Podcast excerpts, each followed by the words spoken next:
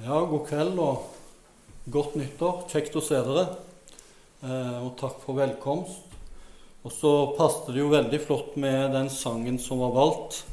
Jeg har ikke drøfta det med dere, men det er en av mine favorittsanger, eller favorittresponssanger, eh, til Jesus. Og så passer, også, passer han òg veldig godt til ukas eh, tema. Eh, Alltid spennende og kjekt å være her hos dere. Kjekt å se dere. Eh, spennende å se Det er alltid spennende med sånne møter når vi samles om Jesus, samles om det kristne budskapet, de gode nyhetene. Eh, hva som kommer ut av det, hva Jesus vil med oss. Ja, og så er det blitt et uh, nytt år. Jeg vet ikke om det er mange som har nyttårsforsetter her, men jeg har alltid det nyttårsfortsettet å fortsette. Så eh, jeg er ikke så veldig ambisiøs. Jeg, har ikke, jeg har ikke den store troen på skippertakene mine. De eh, renner fort ut i sanden for min del, iallfall. Ja, ja. Det er nå så. Jeg skal ikke snakke ned de som har gode nyttårsforsetter og, og skaper gode endringer. Det er bra, det, altså. Vi vil ha gode endringer. Um, jeg vil begynne med denne bønnen som eh, Det er en bønn som jeg har levd i eh, en stund eh, på seinhøsten og mot jul, og nå på nyåret. Bedt mye selv. Både sett for meg meg selv og mitt eget liv, mine nærmeste. Også når jeg ber òg, så ser jeg også for meg konkrete ansikter av mennesker som kjemper med både smått og stort. Enten det er mennesker som kjemper med rus, eller det er samlivsrelaterte utfordringer, eller det er uh, De kjemper med selvtillit eller med økonomiske utfordringer, eller hvilke valg de skal ta. Jeg ser for meg mennesker når jeg ber denne bønnen, og ser også for meg mitt eget liv. Så jeg vil begynne med å, å, be den, og så vil jeg tro at dere selv ser for dere eh, mennesker eh, når vi ber denne bønnen, som er en påkalling av Han som er, har det navn som er over alle navn, og som er den som virkelig kan hjelpe. Eh, og kanskje tenker du på deg selv.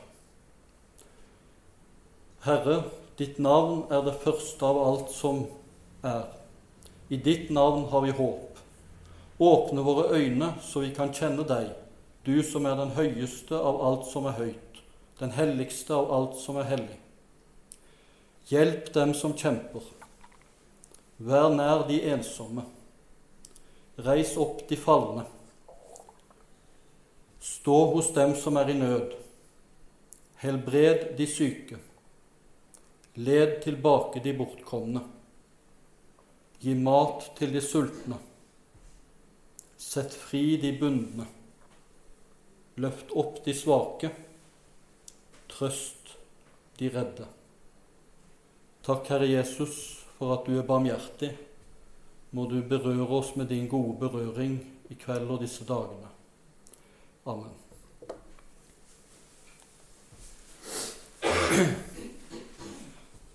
Ja, barmhjertighetens kroppsspråk. Dette med kroppsspråk det tror jeg vi alle kjenner litt til, om vi ikke alltid tenker så mye på det. Men en kjenner jo uttrykket som at hvis blikk kunne drepe, ja, så ville vi kanskje ikke vært her, noen av oss.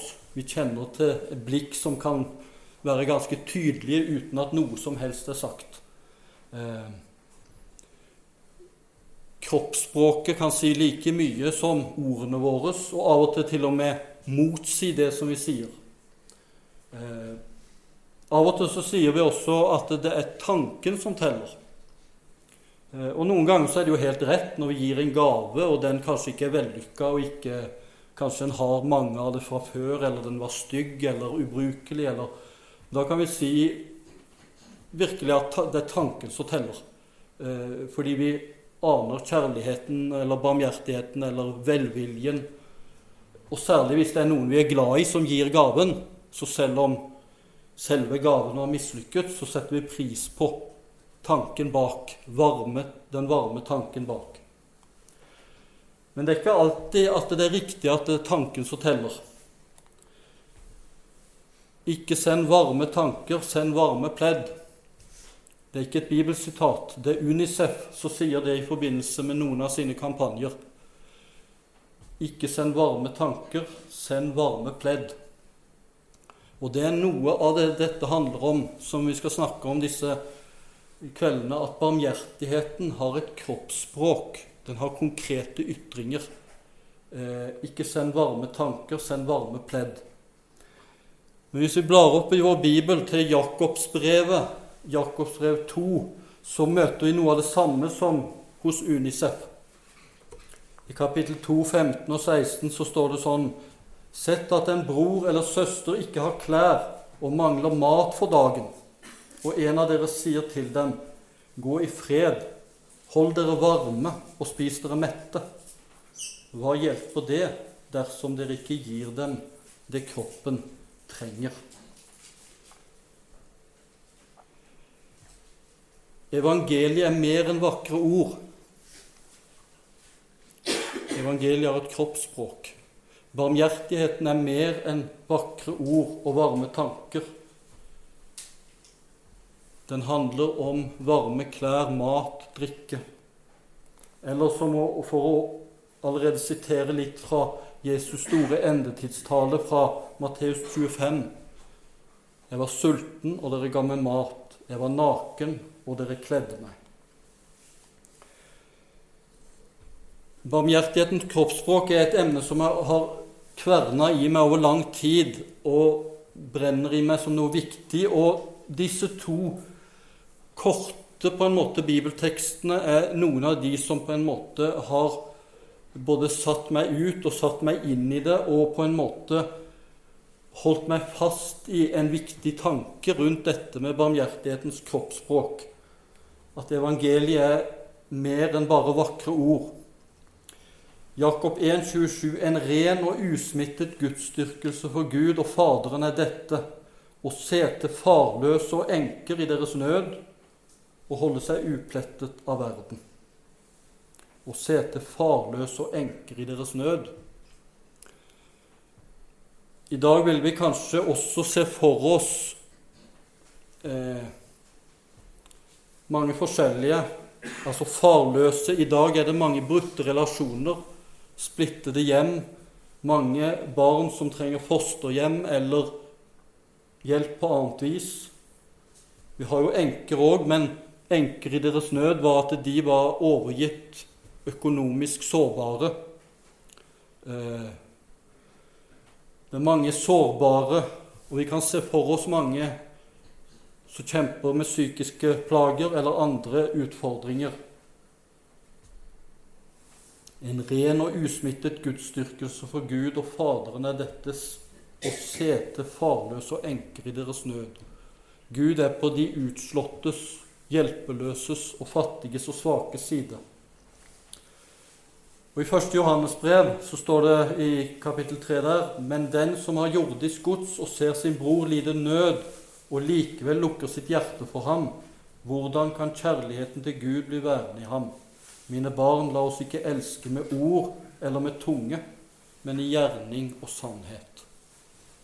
Ikke bare i ord eller med tunge, men i gjerning og sannhet. Jeg vet ikke om dere har tenkt på det, men altså når det gjelder Jesu liv, skildret i evangeliene og i Det nye testamentet, så tror jeg ikke de finner mange steder hvor Jesus uttrykkelig på en måte sier til et menneske 'Jeg er glad i deg', eller 'Jeg elsker deg'. Han kan snakke om at eh, en venn setter sitt liv til for sine venner. Han er den hyrden som setter sitt liv til for sine venner. Men han viser selv i når han snakker om kjærligheten. Han snakker skjærtorsdagskvelden om at, til disiplene om at de har han elsket like til det siste. Men i all hovedsak så viser Gud sin kjærlighet og barmhjertighet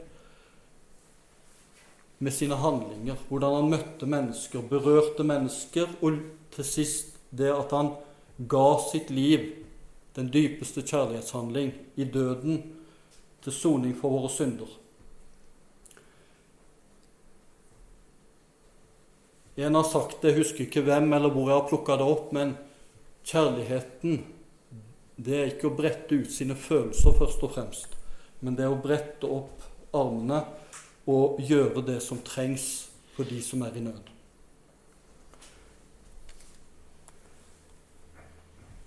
Så barmhjertighetens kroppsspråk disse kveldene er det diakoni jeg skal snakke om, da. Eh, både ja og nei.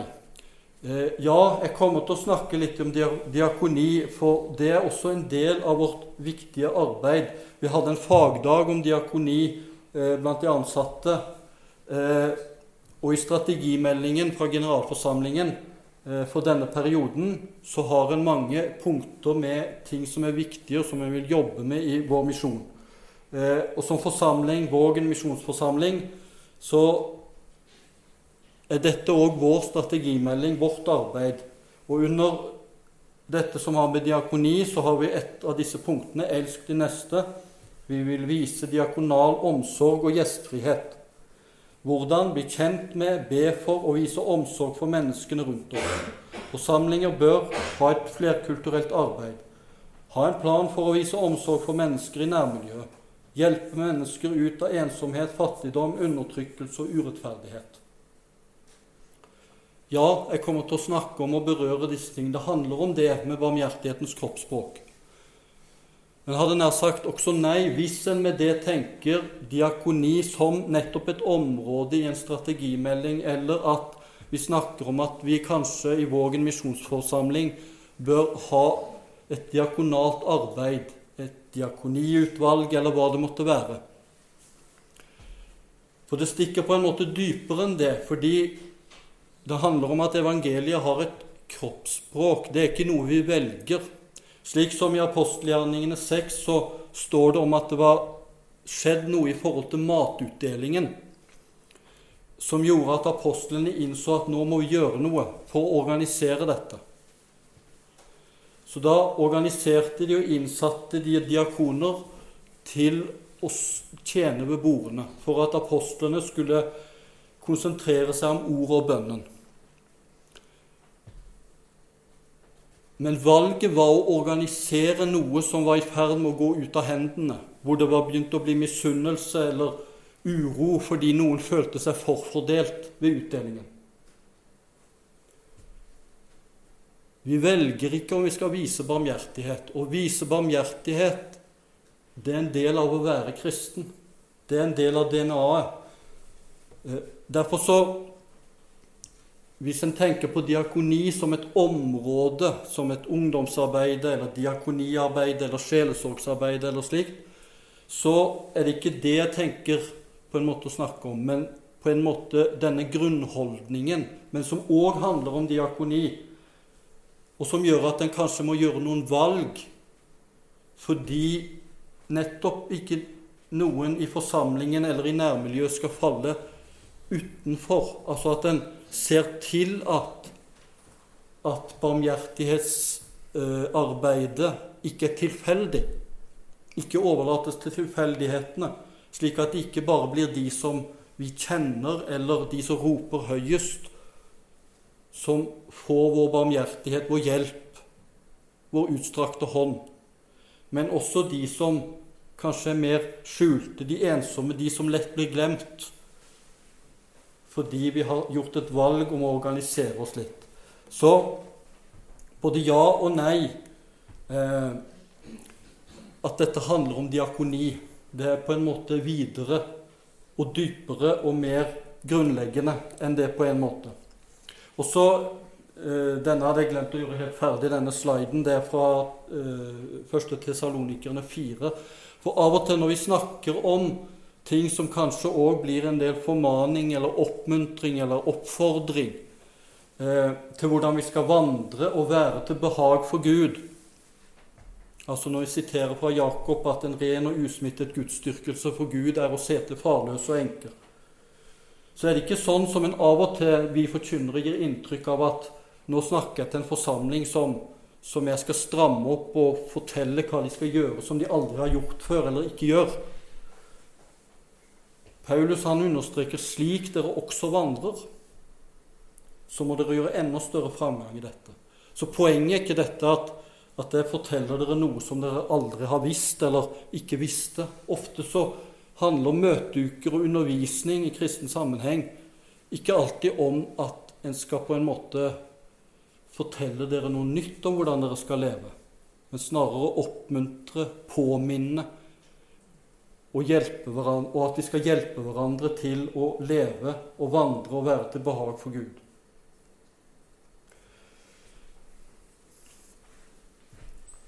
Das is het. Hva betyr nå det? Jeg vet ikke hvor mange som kan hollandsk eller nederlandsk eller dutch eller hva en nå sier. Det er Vincent van Gogh. Eh, det er noe som jeg leste om han som på en måte ble til ettertanke, og som på en måte drar i, med meg i det å være forkynner, men òg i det arbeidet vi driver. For han sa 'Das is het'. Dette er det. Dette. Nå har jeg oppdaga noe. Det er når han leste en tekst eller så et maleri eller et kunstverk. Så var det av og til på en måte at han registrerte dette. Her er det noe som er nerve i. Dette gir meg noe, gjør noe med meg. Eh, også i forkynnelse så er det av og til sånn at du merker at her er det en nerve. Her merker du at det er noe som brenner. Og det trenger ikke å være verken vakkert eller veltalende. Men du kan merke f.eks. at forkynneren er preget av at de måtte bli frelst. Eller at de må få hjelp, at det er noe som er viktig, noe som brenner. Og da trenger det ikke å være veltalende eller vakkert eller fargesprakende og veldig som eh, Vincent van Goghs malerier. Det kan være både hjelpeløst og kanskje grått og trist, men det er nerve i det. Det fortelles om en teologiprofessor i Sverige, en som het Hugo Odeberg, som hadde noe ved seg med, sin, med sine tekster og sine forelesninger som gjorde at auditoriet var fullt, fortelles det, av teologistudenter. Men han satt framme med det gamle, type, gamle typer kateter eh, med eh, for, forelesningen sin, og så satt han og leste med ansiktet nede i forelesningsnotatene hele tiden. Men de var fengslet av det som Han var ekspert på jødisk teologi og Nytestamentet og Bibelen. Det er noe som brenner, det er noe som er viktig, enten du er forkynner eller forsamling eller vitner i hverdagen. At de må bli frelst, at de må få hjelp. Eller som for min del òg dette med barmhjertigheten har blitt. Eh, Vincent van Gogh han eh, malte noen få bilder av bibelske motiver. Det som er spesielt eh, En kan like eller ikke. Noen syns jo ikke de er så vakre, hans malerier, men la nå det ligge. Men det interessante det er at han, og særlig i noen av disse bibelske maleriene, så malte han seg selv inn i ansiktene. Eh, og Noen av kunstkjennerne her mener at han har malt seg inn i ansiktet til den så falt blant røvere. Dette er lignelsen om den barmhjertige samaritan. Mens det røde skjegget på han den barmhjertige samaritan tilsier, mener noen, da at han har malt seg inn i den barmhjertige samaritan. Jeg tenker som en del kunstkjennere sier, at han har nok malt seg inn i begge på et vis. Og det er litt der vi er også som tilhørere her, som forsamlingsmedlemmer. Vi er i det ene øyeblikket den som har falt blant røvere, den som trenger barmhjertighet. Ja, vi trenger alle barmhjertighet hele tida. Trenger å møte den barmhjertige samaritanen Jesus, som tar seg av oss, som er frelseren vår, som tilgir oss, som tar seg av oss igjen og igjen. Men Vincent van Gogh hadde en veldig sterkt ønske om å trøste mennesker i sine malerier og bety noe for de utslåtte, bl.a. gruvearbeideren i Brabant, i, i, det som i dag er Belgia. Når vi snakker om barmhjertighetens kroppsspråk, så er det ikke slik at vi enten er den som skal vise barmhjertighetens kroppsspråk, eller bli utsatt for den. Vi trenger på en måte alle å bli utsatt for barmhjertigheten. Møte den barmhjertige Jesus. Og det er først da òg vi i noen grad kan vise lignende barmhjertighet til de vi møter. Og det er det vi bør ha med oss og i oss på en måte når vi ser sånne tekster som dette. Eh, det er noe vidunderlig når en blir utsatt for barmhjertighet. Noe en ikke har fortjent. Eh, og så er det nerve, noe viktig i dette med barmhjertigheten. Jesus, når han eh, Dette er et maleri av, av når Jesus kaller Matteus i Matteus 9. Eh, hvor eh, han kaller tolleren Matteus, og Matteus steller til måltid, og Jesus lar seg invitere der. Men fariseerne de murrer og knurrer over at han spiser og drikker med tollere og syndere. Og så svarer Jesus, men da Jesus hørte det, sa han, det er ikke de friske som trenger lege, men de som har ondt. Gå bort og lær hva dette betyr. Barmhjertighet er det jeg vil ha, ikke offer. Jeg er ikke kommet for å kalle rettferdige, men for å kalle syndere. Barmhjertighet er det jeg vil ha.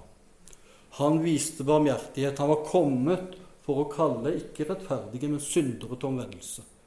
Han var nettopp kommet for de utslåtte, de nedslåtte, de bortkomne. Gikk han ut for å lete opp og bære hjem til seg. Og han var kommet for å gi livet sitt for oss alle. Og så sier han barmhjertighet er det jeg vil ha. Lær hva dette betyr. Det har på en måte satt seg litt i meg, dette så Jesus også sier, eh, sånn som det er gjengitt hos Lukas i bergprekenen, vær barmhjertige, slik deres himmelske Far er barmhjertig. Barmhjertighet, altså det norske ordet Det er litt liten tekst her. Det er med hjertet for de arme eh, med hjertet for de arme. Men på, på, gresk så er det på en måte litt videre, både medlidenhet, medfølelse, trofast kjærlighet. Og bak dette så ligger et hebraisk uttrykk som et trofast paktskjærlighet. Eh, og, og, det er flere ord som brukes som tangerer dette med miskunn, med nåde, medlidenhet. Barmhjertighet for de arme, de nødstedte. Eh, jeg har lest en, en, en, bok av en svenske på, på, svensk, en som var eh, misjonær i Tanzania bl.a. Eh, og prest i, i svenska kyrkan. og forteller i denne boka om miraklet i Sankta Clara i Göteborg, er det vel? Nei, Stok Stockholm. og forteller litt om det, de erfaringene han gjorde seg.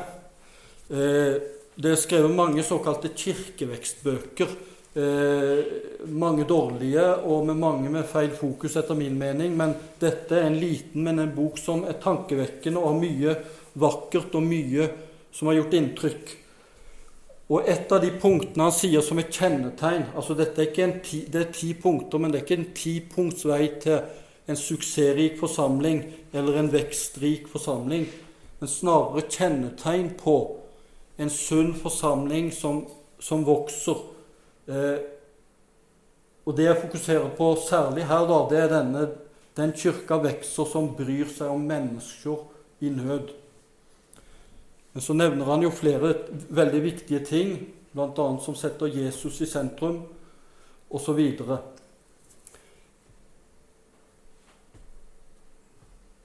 Det er en del av det å være en kristen forsamling, det å bry seg om mennesker i nød. Eh, og at det å bli møtt med barmhjertighet og vennlighet kan være livsforvandlende. Det er det mange eksempler på. Og en som kan fortelle oss som er om Eller som biskop, eh, eller tidligere erkebiskop, han er død nå, eh, Tutu, som det kan sies mye om, både godt og gale, hadde han sagt. men men han forteller iallfall at han så å si ble overrumplet av vennlighet i barndommen.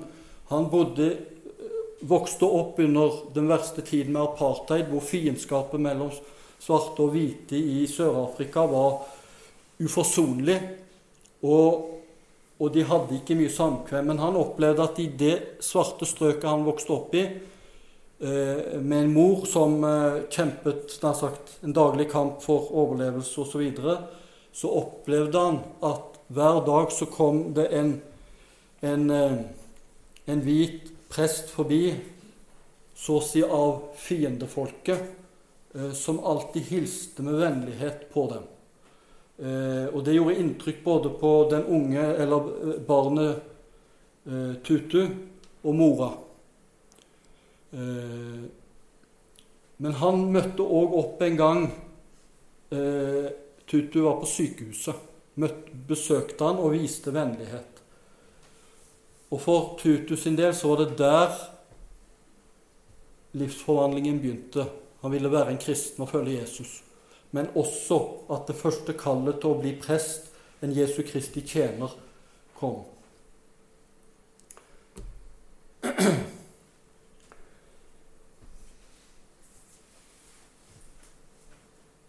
Fortellingen i Matteus om når Jesus kaller Matteus har på meg blitt en sånt bilde av den kristne forsamling som Og det kommer tydeligere fram på engelsk, dette med 'hospitality', som spiller på både gjestfrihet og hospital, det som blir sykehusene etter hvert. At det skal være både eh, som et feltsykehus, altså for Det er for de syke, de som har vondt, det er de som ikke mestrer livet det skal være for, men også et gjestfritt hjem. Og dette kroppsspråket eh, En eh, dansk regissør han snakker om når han skulle lage en dokumentarfilm om arbeidet blant eh, rusavhengige. Så fant han ut at hvis han skulle lage en troverdig film, så måtte han gjøre det i øyenhøyde. Og det gjorde han helt bokstavelig når han filmet. Han la seg, Hvis de lå i rennesteinen, så la han seg på bakkenivå. Man skal møte folk i øyenhøyde også når de ligger nede. Jesus møtte folk der de var, der de levde. Eh, han kom til tollboden og kalte Matteus. Han møtte de spedalske. Han oppsøkte, og han snakker om det, eh, seg selv som hyrden, som ikke bare sier 'kom' og venter på de bortkomne, men som går ut og leter og finner Barmhjertighetens kroppsspråk det handler om å møte folk i øyenhøyde der de er. Eh, og den store domslignelsen i Matteus 25 så møter vi jo disse ordene. For jeg var sulten, og dere ga meg mat. Jeg var tørst, og dere ga meg drikke. Jeg var fremmed, og dere tok imot meg. Jeg var naken, og dere kledde meg. Jeg var syk, og dere så til meg. Jeg var i fengsel, og dere besøkte meg.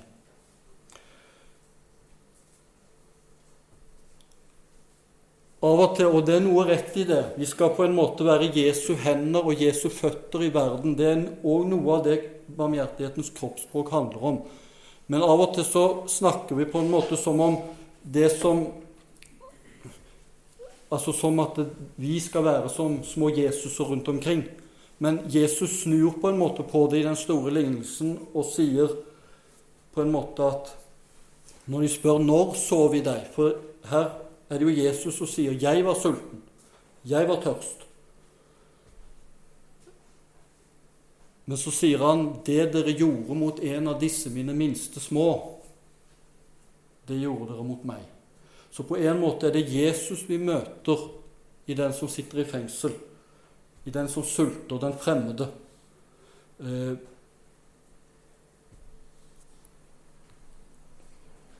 det er barmhjertighetens kroppsspråk. Det er følgen av troen på Jesus, av å ha blitt overrumplet av evangeliet, av å ha blitt tilgitt. Eh, det er fruktene som treet kjennes ved.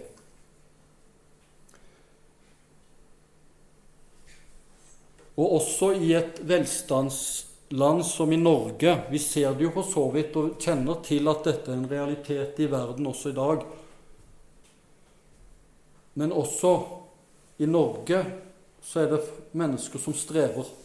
Mennesker som er i fengsel, mennesker som er syke. Om ikke så mange sultner og så mange tørster, så er det nok av de som, som kjemper og trenger å møte en barmhjertig kristen. Eh,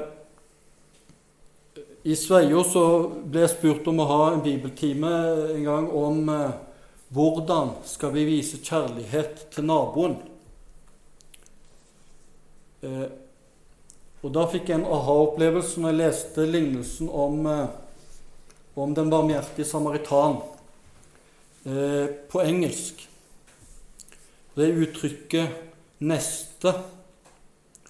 Eh, hvem er min neste? Du skal elske Gud og hele deg selv og alt, all din makt osv. Og, så og din neste som deg selv.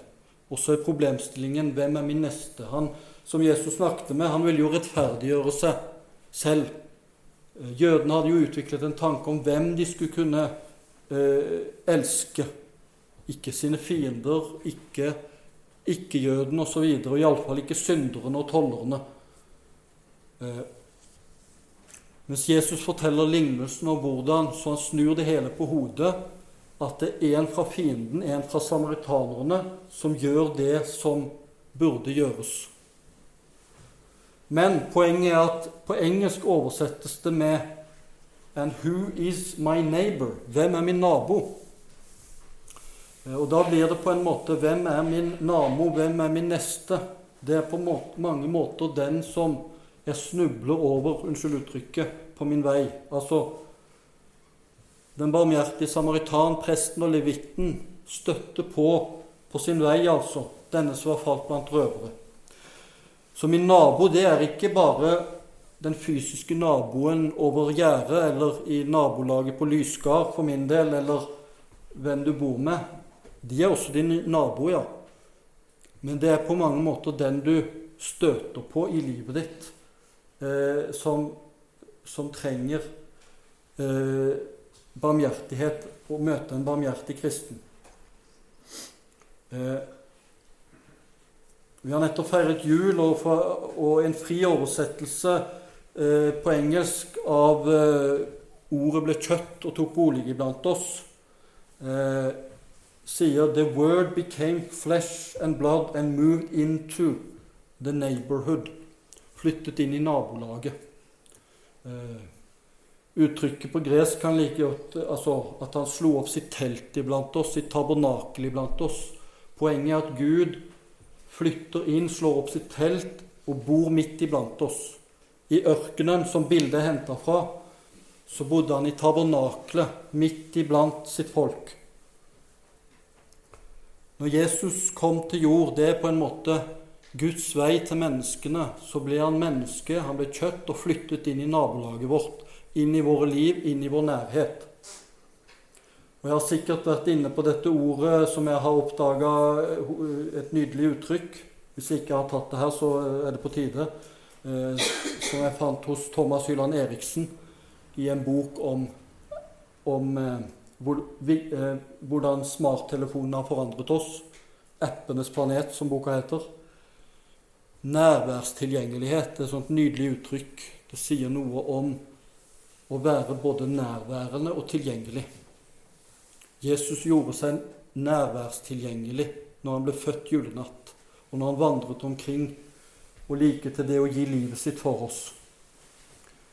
Og slik flytter vi inn i nabolagene. Men det er også det misjon handler om. Det å flytte inn i andre nabolag, enten det er i Kåbe, der jeg er vokst opp, eller det er i Øst-Afrika, i Nairobi, eller hvor det måtte være. En har sagt det sånn, dette er ettertanke Pastoral work is geographical as much as it is theological. Eh,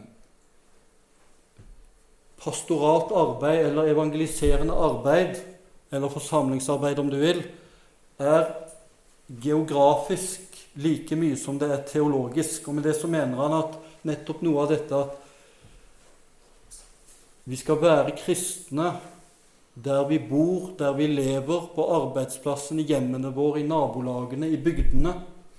Eh, og her er det bare noen fotspor. altså Apostlenes hester er jo et uttrykk. De begynte å gå med de gode nyhetene. Og da spiller det jo over på det som Paulus både siterer eh, i Romerne 10 fra Jesajas 57, om hvor vakre de føtter er som bringer gode nyheter, som bringer fred. Hvor vakre er ikke de føttene som går på fjellene?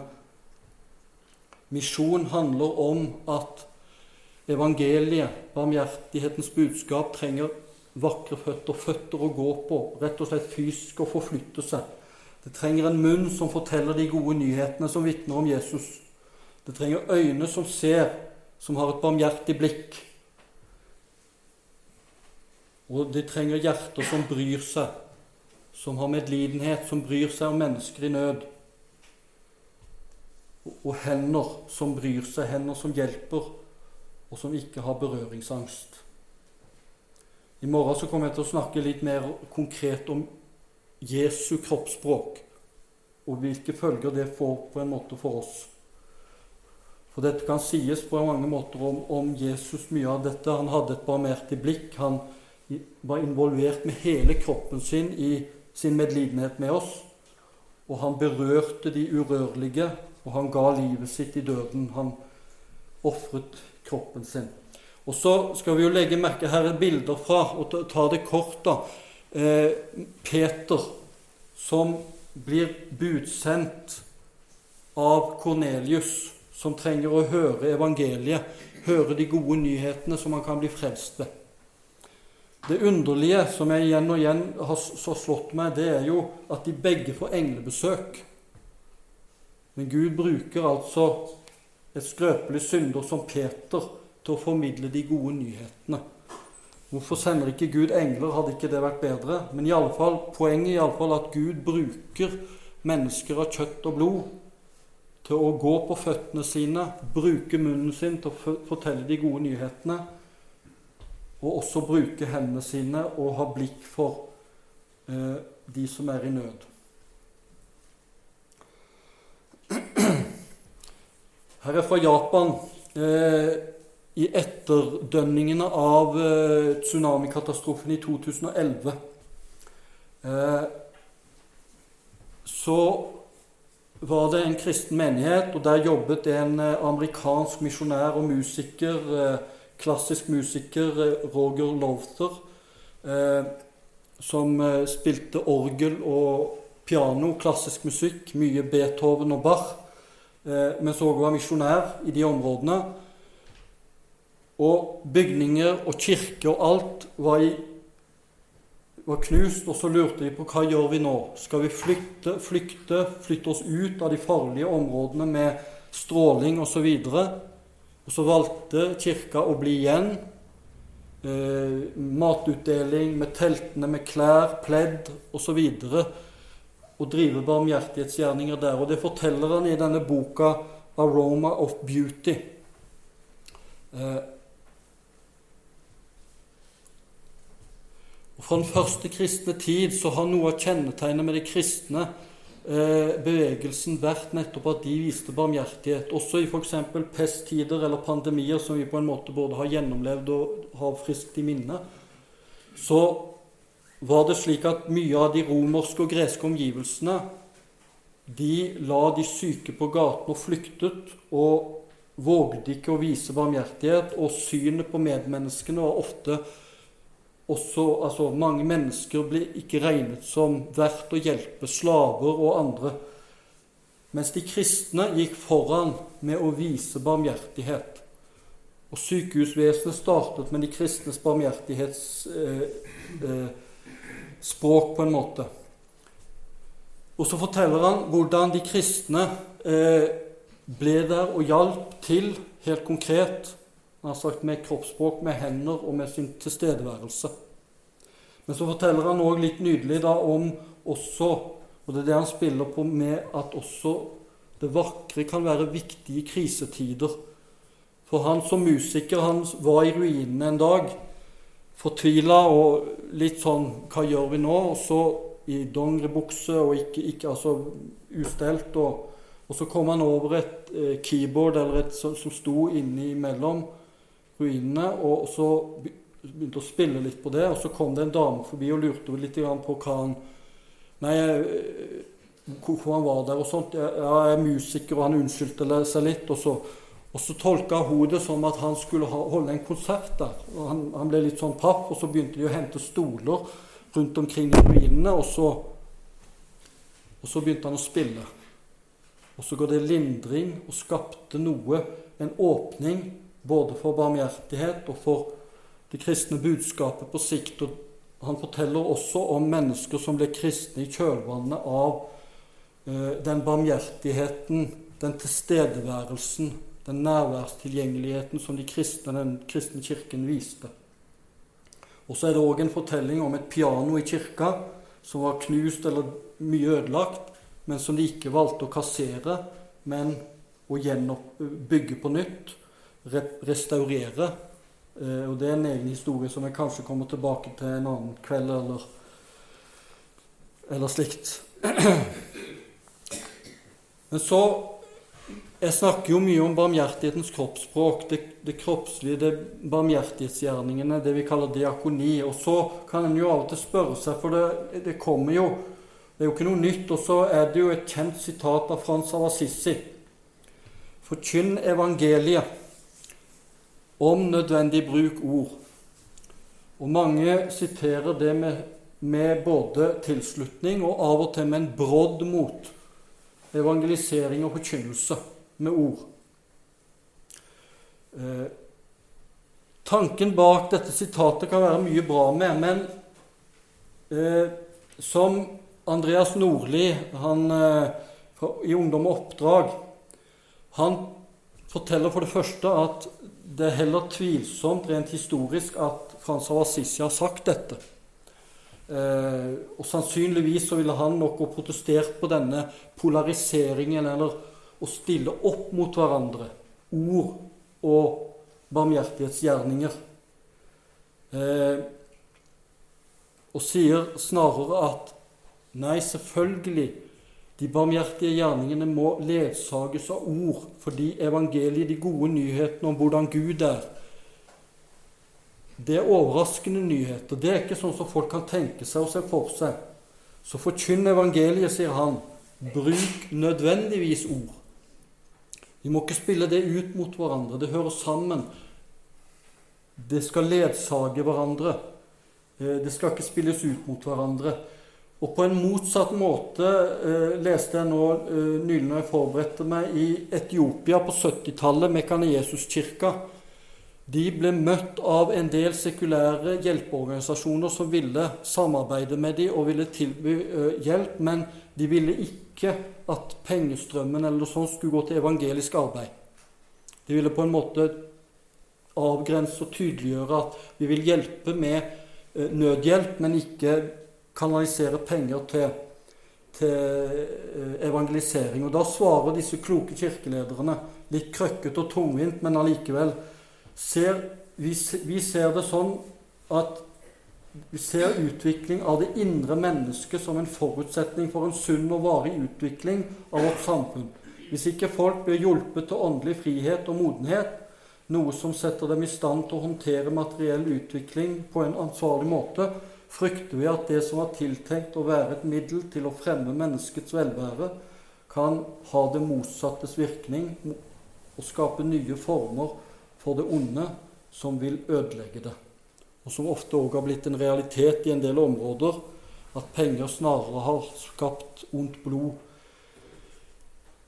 Poenget er at vi har gode nyheter å fortelle med ord om vidunderlige sannheter om den Gud vi tror på. Men dette gode budskapet er mer enn vakre ord. Det har også et kroppsspråk. Det er veldig konkret, og det handler nettopp òg om en Jesus som nettopp har gitt sitt liv for våre synder. Til slutt jeg, så vil jeg Dette har jeg sitert i en tale her tidligere, litt fra eh, Svein Ellingsen sin, eh, men som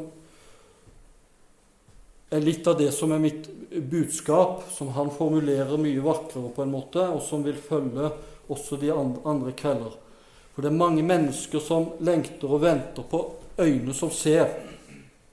Mennesker som venter på øyne som ser. Øyne som oppdager nøden som finnes. Midt i vårt samfunn, midt i vår velferd. Mennesker som venter og roper på nærvær. Roper i taushet bak ensomhetsmurer. Hvem er på post i, nådel, i en nådeløs verden? Hvem følger kallet som lyser imot oss? Nærvær og tjeneste, nærvær og omsorg, øyne som ser. Mennesker som venter på hjerter som ser. Hjerter som gripes av nøden som finnes skjult bak forkledninger, roller og masker. Mennesker som venter og håper på nærvær, håper å møte et bankende hjerte. Hvem bringer varme i frostnattens verden? Hvem gir et glimt av Guds kjærlighets ansikt? Nærvær og tjeneste, nærvær og omsorg, hjerter som ser. Mennesker som venter på hender som ser, hender som rekkes mot nøden som finnes, hender som tegner Guds ansikt i verden. Mennesker venter og higer mot nærvær, higer mot timen da nåden blir synlig. Gud, la vår tro og vårt liv bli fornyet. Hjelp oss å se, og styrk oss til handling. Nærvær og tjeneste, nærvær og omsorg. Hender som ser. I morgen så blir omdreiningspunktet Jesus kroppsspråk. Og det som òg er viktig når vi snakker om disse ting, det er sånn som på en annen måte som han her sier, som alt kristent liv er Kirken en respons på Kristus, ikke et prosjekt vi skal gjennomføre.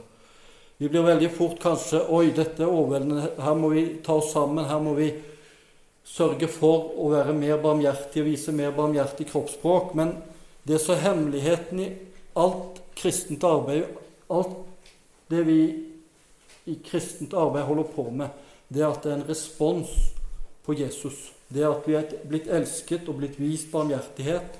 Eller som Jesus selv sier, som er vårt kall 'følg meg', så vil jeg gjøre dere til menneskefiskere. Eller som han sier siste natten når han vasker disiplenes føtter. Har dere skjønt hva jeg har gjort? Slik jeg har vasket deres føtter, skal dere vaske hverandres føtter. Slik jeg har tilgitt dere, skal dere tilgi hverandre. Derfor er brennpunktet i dette vi snakker om, om barmhjertighetens kroppsspråk, Jesu kroppsspråk, som vi skal snakke mer eller dreie rundt i morgen. Avslutter med denne bønnen igjen. Herre, Ditt navn er det første av alt som er. I ditt navn har vi håp. Åpne våre øyne så vi kan kjenne deg, du som er den høyeste av alt som er høyt, den helligste av alt som er hellig. Hjelp dem som kjemper, vær nær de ensomme, reis opp de falne, stå hos dem som er i nød, helbred de syke, lev tilbake de bortkomne, gi mot til de sultne, sett fri de bundne, løft opp de svake, trøst de redde. Amen.